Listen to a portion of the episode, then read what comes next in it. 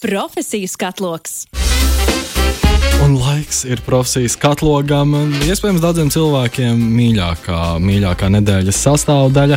Klausāms gan tiešraidē, svētdienās, pulksten pustrijos, vai vienmēr un mūžīgi, vienalga, kur tu atrastos, vai kurā, kurā laika zonā tu būtu, kaut kur profesijas katlogu atradīsi. Un atskatoties uz visām 50 profesijām, par kurām mēs esam runājuši šajā raidījumā, uzņēmumi ir pieminēti, bet ne tik konkrēti, un neesam arī šajā, šajā sfērā baigi iedziļinājušies. Un, un, manuprāt, tas būtu jāmaina. Līdz ar to man šodien Latvijas Rādio 9. studijā ir pievienojusies Daniela Studente. Čau, Daniela! Sveicieni! Man, man gada sākumā pienāca skaists ēpasts um, ar piedāvājumu iepazīties ka, ar kādu biznesa inkubātora komandu, lai mēs varētu visi kopumā izprast, kas notiek biznesa inkubatorā un kā auga jaunie Latvijas uzņēmumi. Tieši tādēļ tu šodien esi šeit, lai pārstāvētu komandu Volā. Un, Principā tad arī iesākumā man būs jautājums, kas ir volā un, un, un, un, un kā, kā, kā, kāds ir bijis šis ceļš līdz, līdz volām. Es ar lielāko prieku pastāstīšu. Ceļš ir pavisam noteikti bijis gan pa augstiem kalniem, gan pa zemām ielām. Bet kas ir volā? No franču valodas tulkojot, volā nozīmē lūk tā. Un es pat mācījos franču licejā, un uh, franču valoda kaut kā ar tādu pretestību tomēr ir palikusi vēl joprojām ļoti tuvu dvēselē, tas ir arī vārds, ko es ikdienā ļoti daudz izmantoju. Olā, cik garšīgi sanāca uzcepti piespiedu plāceņus, vai arī volā, cik labi noskrēja rīta skrējienu. Un, līdz ar to to ņēmu līdzi ikdienā un sāku likt kopā savas vērtības, prioritātes, piesaistīt cilvēkus, kuriem bija šī vairāk interesē, arī darīt līdzīgas lietas, bet sākotnēji tas vispār bija for fun. Mēs sākām taisīt pasākumus, mēs sākām uh, skatīties, kā mēs varam vest citus pasākumos, un tā tas viss kaut kā apauga, un tā sniega bumba vēlās, vēlās pa kalnu, līdz mēs atradām iespēju pieteikties biznesa inkubatorā. Pats studēju Latvijas Universitātē tajā laikā. Un arī absolvēju Latvijas Universitātes sociālo zinātņu fakultāti tieši komunikācijas zinātnes. Un uh, tad arī salikām galvas kopā ar draugiem, un pēdējā, pēdējā, pašā pēdējā brīdī Pieteicāmies biznesa inkubatoram. Bija kaut kāds man šķiet, pats 20. pēdējais janvārs pagājušajā gadā bija tāds labi, aiziet, startējam. Super, un par biznesa inkubatoru arī jautājums, ko es gribēju saprast, uh, pētot nedaudz pastalkojot Tīmolā. Es pamanīju, jā, ka tu esi pabeigusi komunikācijas zinātni, un līdz ar to arī gribēju jautāt, vai, vai uzņēmuma radīšana vienmēr bija tā pirmā ideja, ar kuru tu gāji kā iespēju nākotnē veidot savu karjeru, vai tā bija tā pirmā opcija, vai tas radās, un tad saprati, ka jā, es varu turpināt bīdīt savu karjeru pa šo celiņu. Un vienmēr ir bijis tāds iekšējs individuālisms, kad man gribās pašai darīt kaut ko savu. Un, protams, es arī esmu skrējusi šajā žurkas skrējienā, bijusi daļa no liela uzņēmuma, jutusi to piesaistošo sajūtu, bet es sapratu, ka tas nebija priekš manis. Un, uh, mums ir tāda brīnišķīga iespēja kā bezdarbnieki. Un tad arī es nolēmu, labi, viss pietiek. Es negribu vairāk skriet šajā vāveres ritenī un mēģināt kaut ko darīt savu. Un no sākuma tas bija tīri priekš prieka, jo mēs sākām ar speed branding, action branding un speed dating pasākumiem, kuri bija pozitīvi apmeklēti. Mēs izveidojām kaut kādu savu šo klientu loku. Un, uh, veidojām atgriezenisko saiti, runājām ar cilvēkiem, prasījām, kas viņiem nepatīk, patīk, ko mainīt, ko nepatīk. Un tā bija tāda kā komunikācija miedarbība, tāpēc arī tā komunikācija ir tik ļoti svarīga, jo to mācoties, tu saproti vispār, kā tu vari eksistēt tālāk uz plašākiem mērķiem. Un pieejot pie tā no citas skatu punkta, bija tāds, ok, labi, nu, ja jau kā, cilvēkiem patīk, tad varbūt var pamēģināt kaut ko arī nu, ar šo vairāk nopelnīt. Un, eh, tāpēc arī mēs startējām biznesa inkubatorā. No sākuma mums īstenībā nebija nekāda ideja, jo mēs sākām paši ar draugiem for fun taisīt reģionu hypu, kur mēs izkartējām Latvijas pilsētas, izveidojām tādu kā spēli caur Latvijai, lai varētu iepazīt Latvijas reģionus, lai Covid krīzes dēļ stiprinātu vietējās pašvaldību ekonomikas. Un arī ar šo projektu mēs startējām inkubatorā. Tas veiksmīgi arī attīstījās un kļuva par Latvijas hypu. Sanāk, tas, ko es dzirdēju, ka dabiski tas viss rodas. Nu, tā. Es palēnām, nezinu, vai palēnām. tas ir dabiski vai tas ir nedabiski. Ja, principā atrodas problēma kaut kāda, ko var atrisināt, un tad kaut kādā viss sastājas tā, kā tas ir nepieciešams, un rodas uzņēmums. Un par uzņēmumu rašanos arī jautājums, jo mācoties vidusskolā, tas, ar ko es visvairāk varu asociēt jauns uzņēmums, uzņēmumu rašanos, ir skolēnu mācību uzņēmumi. Man ir arī sanācis paklausīties uh, kopā ar saviem klases biedriem un draugiem, kuri būvē šo skolēnu mācību uzņēmumus. Un es vienkārši klausos, un es jūtu līdzi, cik tas ir grūts process skatoties savu pieredzi, cik viegli, cik grūti ir radīt uzņēmumu no nulles. Tu ļoti pareizi saki, galvenais ir atrast problēmu un galvenais ir to risināt. Jo man personīgi pašai bija tā problēma, ka es diezgan daudz ceļoju, pati esmu minimāliste, man ir mana mugursoma, dzīvojos apkārt pa Eiropu. Šobrīd arī uz neilgu laiku esmu Latvijā. Tāpēc, un uh, braucot cauri Eiropai, es sapratu to, ka ej, ir tik daudz flyeri, ir tik daudz informācijas izbārstīta pa visām vietām, blogi, turistu straps, kas ir piemēram TripAdvisorā. Un es īsti nesapratu, kā adaptēties video. Man bija tāds klauns, tā kā mūsu Latvijā ir diezgan švaki ar turismu ārpus Rīgas. Kāpēc gan neparādīt tos skaistos dabas pleķīšus, tās interesantās vietas, garšīgās kafejnīcas, kas ir mums? Un mēs paši braucām cauri Latvijai karantīnas ietveros, kartējām pilsētas un gribējām tās arī parādīt citiem viesiem. Tāpēc par to biznesa izbūvi ir diezgan sarežģīti spriest, bet tagad, skatoties atpakaļ, tas noteikti ir grūti, tas noteikti ir izaicinājums, bet pildīt mērķus tas tīri dabiski ir izaicinājums. Tāpēc, ja ir komanda un ja tu esi kopā ar kādu un tu tici savai idejai, un tu redzi, ka citi arī tic tavai idejai, tad tur noteikti nevajag padoties. Jo, piemēram, mēs arī esam pieļāvuši kļūdas, un es arī Šobrīd esmu tādā kā sastrēguma periodā, jo ir jāsakārto vienkārši lietas, jo, piemēram, mēs arī ar uzņēmumu pārceļamies. Tīri tāpēc, ka ir nepieciešams augt, ir nepieciešams attīstīties, un, protams, ir ļoti daudz faktori, kuri stājas ceļā, bet tas ir pilnīgi normāli. Ir pilnīgi normāli kļūdīties un saprast, kāpēc neiet, kas, uz, kas ir tas korķis, kuru ir jāpārspridzina. Un arī izklausās, ka, ja ir tā problēma, kuru tu gribi no visas sirds risināt, nu, tad vienalga, kas tev būs jādara, cik papīra būs jāapraksta, jāizveido un kādiem šķēršļiem būs jātiek pāri. Tas tik un tā tiks izdarīts, jo tā, tā problēmas risināšana ir tas galvenais iemesls, kāpēc tas uzņēmums tiek radīts. Arī par šo procesu turpinot, pieņemu, ka ir sanācis saskarties ar daudz izaicinājumiem, kā jau arī tu minēji. Vai tu esi identificējusi kaut kādas rakstura īpašības, kuras būtu nepieciešamas vai bez kurām vienkārši fiziski nevarētu ir jābūt uzņēmumu? Jā, pavisam noteikti. Ko es pat arī esmu pamanījis, ne tikai sevi, bet strādājot ar citiem, ir jāprot atzīt savas kļūdas. Un ir jāprot krist zemāk, lai tu varētu celties augstāk. Un, ja tev ir cilvēki apkārt, kuriem tu vari prasīt pēc palīdzības, nu nebīdi degunu mākoņos. Nolaidies, pajautā, tiešām apskaties no lietas, no citas puses. Jo, pieņemsim, ja tev arī kādu ilgāku laiku kaut kas nesanāk, un tu nesaproti, kāpēc tā tava ideja neiet uz priekšu, noliec to bišķīt malā, paskaties uz to no citas puses, pajautā viedokļus, rakstīja e-pastus, zvani cilvēkiem. Ej ārā, prasi uz ielas, ko cilvēki domā. Varbūt tev ir kāds jauns produkts, ko tu vēlēsies, piemēram, pārtika, vai tas ir kaut kāds apģērbs vai kas cits, kas var ikdienā noderēt. Un arī ir svarīgi atrast to savu nišu, jo mans klients nav katrs.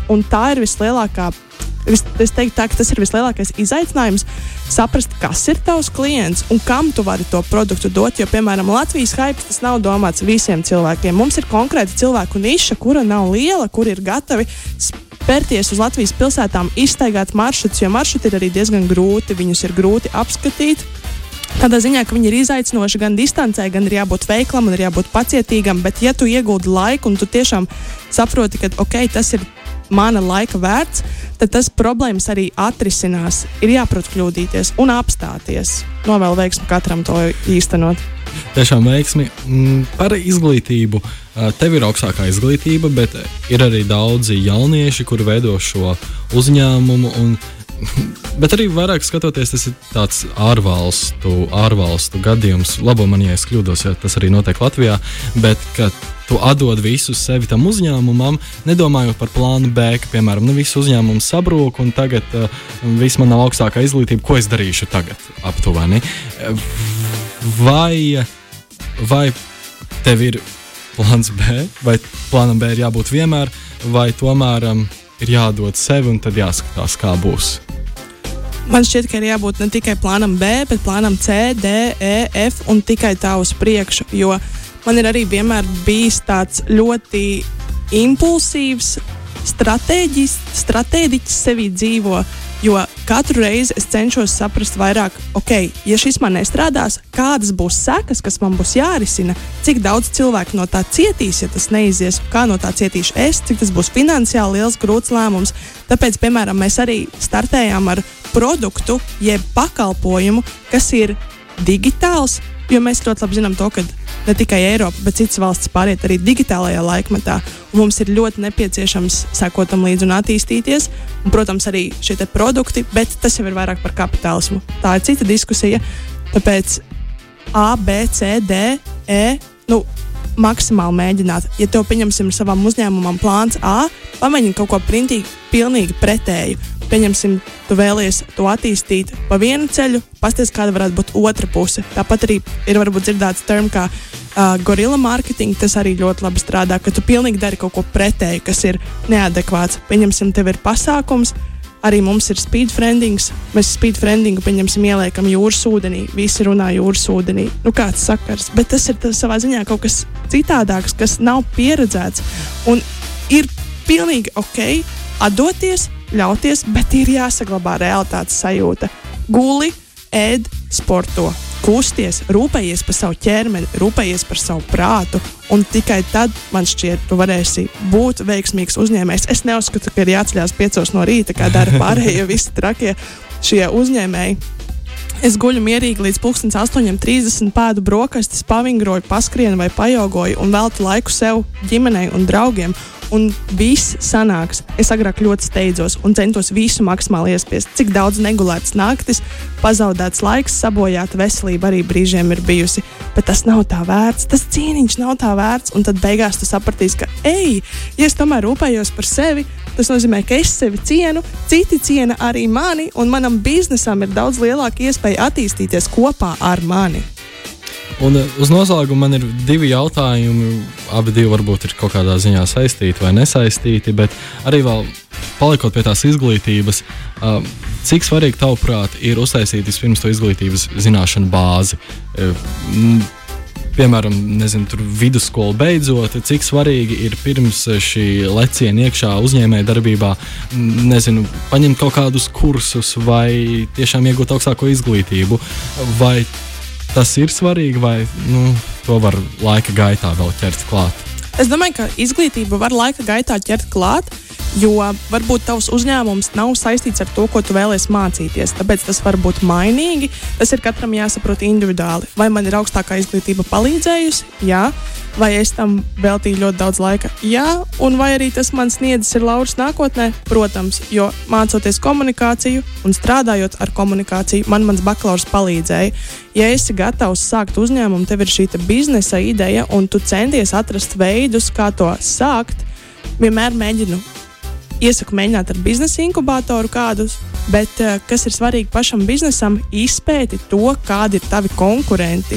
Jo man nebija ne jausmas, kas notiek tajā spektrā, kurā es sāku startēt. Es vienkārši sāku sekot Instagramā visiem Latvijas konkurentiem, Igaunijas, Lietuvas, Polijas, Rumānijas, Slovenijas, Slovākijas un tik tālāk uz priekšu deguna stūmu uz citām pusēm un sapratu to, ka, ej, bet man rekur ir niša, kuras var attīstīties. Tāpēc mēs arī savu sākotnējo biznesa ideju pārveidojām uz citu biznesa ideju, jo mēs tikai sapratām, kur mums ir niša. Tāpēc saprast to pamatu ko dara citi ar tavu jau esošo ideju, jo pa lielam viss jau eksistē, un tu vari skatīties to no citas interpretācijas. Ir daudz, piemēram, uzņēmēji, kur ir sākuši vienkārši ražot zobu birstas. Viņas eksistē, tas ir skaidrs, bet pieņemsim, ir kaut kādas funkcijas, kur ir bišķi, tā teikt, netik laba kvalitāte, kā to ar savu uzņēmumu var nodrošināt izpēti konkurentus, paskaties, kas notiek citās valstīs un kā tu vari sevi ar tiem salīdzināt.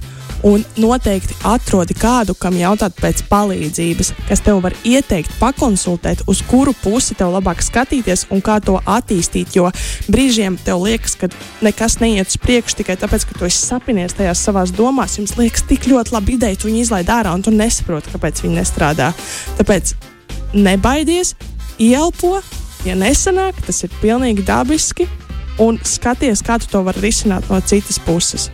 Ārkārtīgi daudz fēnu ieteikumi, un uh, noslēdzošais ieteikums, ko es vēlētos dzirdēt no tevis, ir um, atbilde uz jautājumu, ar kuru, manuprāt, ļoti daudz jaunieši sākot uzņēmumu saskars.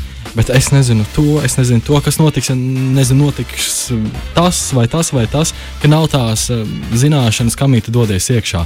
Vai tev būtu kāds ieteikums, um, kur meklēt šo palīdzību? Nu, biznesa inkubators, ticamāk, būs tā viena lieta, vieta vai ir kaut kāda vēl vieta, kur jaunieši var uzreiz atrast to atbalstu, informāciju krājumu, ar kuru būvēt tālāk uzņēmumu?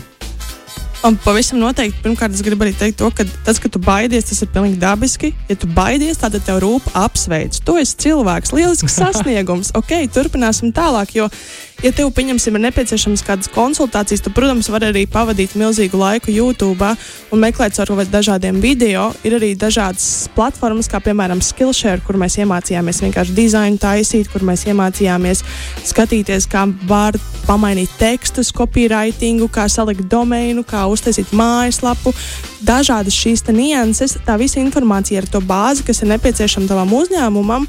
Respektīvi, ir uzticība, un tu to uzticību vari iegūt, paskatoties, ko dara citi. Tas noteikti ietekmēs skillshare. Tas man bija tāds labākais, un kur tu vari vēl prasīt pēc palīdzības, ir jau esošiem uzņēmumiem, kas šādas lietas dara es nekaunējos, es vienkārši rakstīju taisni, prasīju, vai jūs gribat sadarboties. Gan arī, arī sanāca ar vairākiem līdzīgiem uzņēmējiem sadarbība, bet beigās neatradām tādu kopīgo ceļu, lai to īstenotu.